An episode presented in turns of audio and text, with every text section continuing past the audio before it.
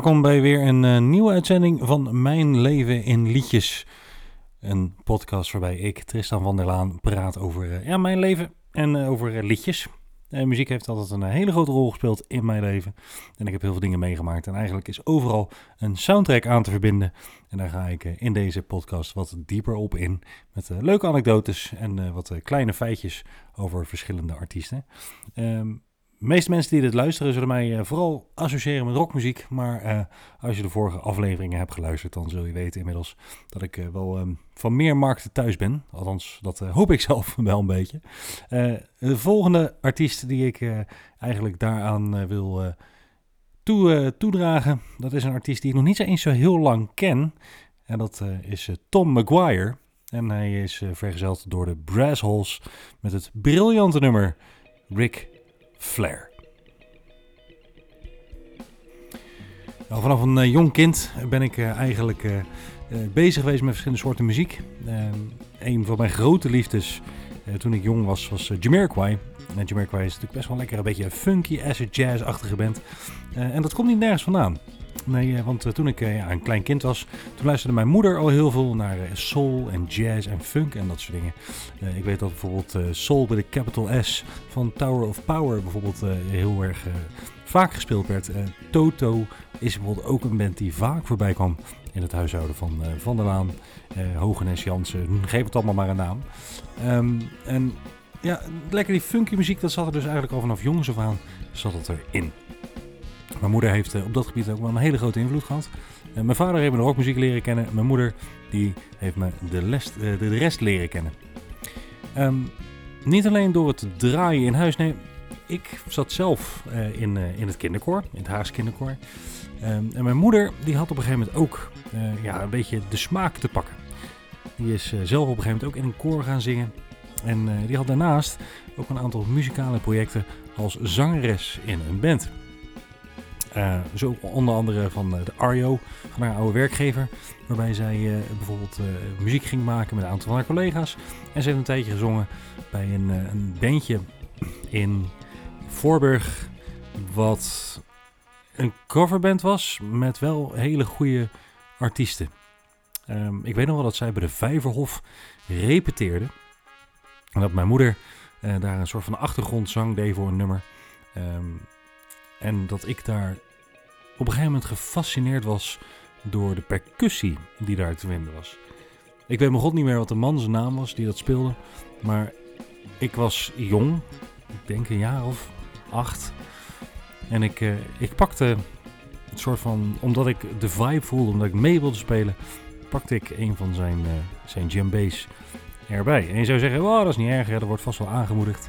Maar niks is minder waar. Nee, de man was uh, niet blij met uh, deze houding. Maar toen merkte ik al dat het funky en het soul, dat dat me ook wel heel, heel erg lag.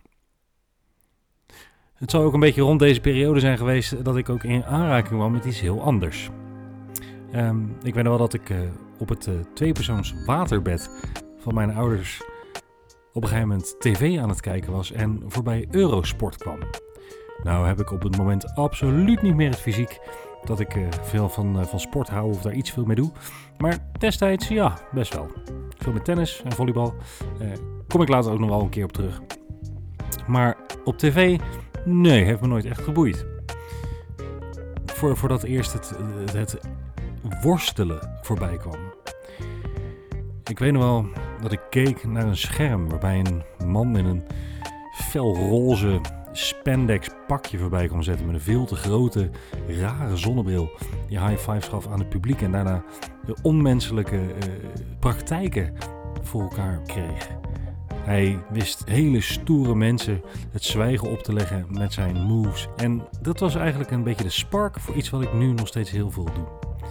Ik ben nog steeds een heel groot fan van worstelen. De meeste mensen denken meteen aan Hulk Hogan en, en, en de WWF. Uh, of WWE, zoals het tegenwoordig heet. Um, maar ook bijvoorbeeld AEW en Impact Wrestling heb ik allemaal gevolgd. NXT, eh, het eh, WWE, developmental gedeelte heb ik op een gegeven moment ook nog gevolgd. Ik zat er en zit er heel diep in. Leuk feitje, voordat ik deze podcast ging opnemen was ik zelfs een playthrough aan het kijken van Cultaholic van uh, Adam Pichiti. Uh, die uh, WWE 2K23 speelt op zijn PlayStation 5. Dus ja, ik zit er nog steeds met veel plezier naar te kijken. Worstelen is dus een, een, groot ding geweest. Maar ik had eigenlijk nooit heel erg mensen om dat mee te delen. tot mijn studietijd al helemaal niet. Um, alleen op een gegeven moment leerde ik Sebas kennen. Die ik al eerder heb genoemd. Waar ik ook mee in de Black Bandits heb gezeten bijvoorbeeld. Um, maar ook kwam ik via via op een gegeven moment bij Crispy uit. Ik uh, was een jaar of 13 en ik had een account aangemaakt op internet. Toen internet nog lief en onschuldig was. Bij het uh, rocktoons.com forum. Er zijn een hele hoop mensen die ik nou kan gaan noemen. Maar degene met wie ik uh, tot op heden het meeste contact nog mee heb, uh, is uh, Crispy. Crispy zei op een gegeven moment ook dat hij fan was van worstelen. Ik heb de, het geluk gehad dat ik een aantal jaar geleden Crispy, Chris, Crispy Mac, Chris Mac en zijn vrouw Pam heb mogen leren kennen. Twee fantastische mensen. Ik kan niet, niet blij genoeg met ze zijn. Um, en op een gegeven moment kwam Chris ook aanzetten met een nummer wat ging over worstelen. En het was een soort van funky, tong-in-cheek, een beetje flauwe, ja, funkmuziek eigenlijk. En dat was Tom Maguire. Tom Maguire en The Brassholes. De Schotse band met uh, ja, gigantisch muzikale invloeden.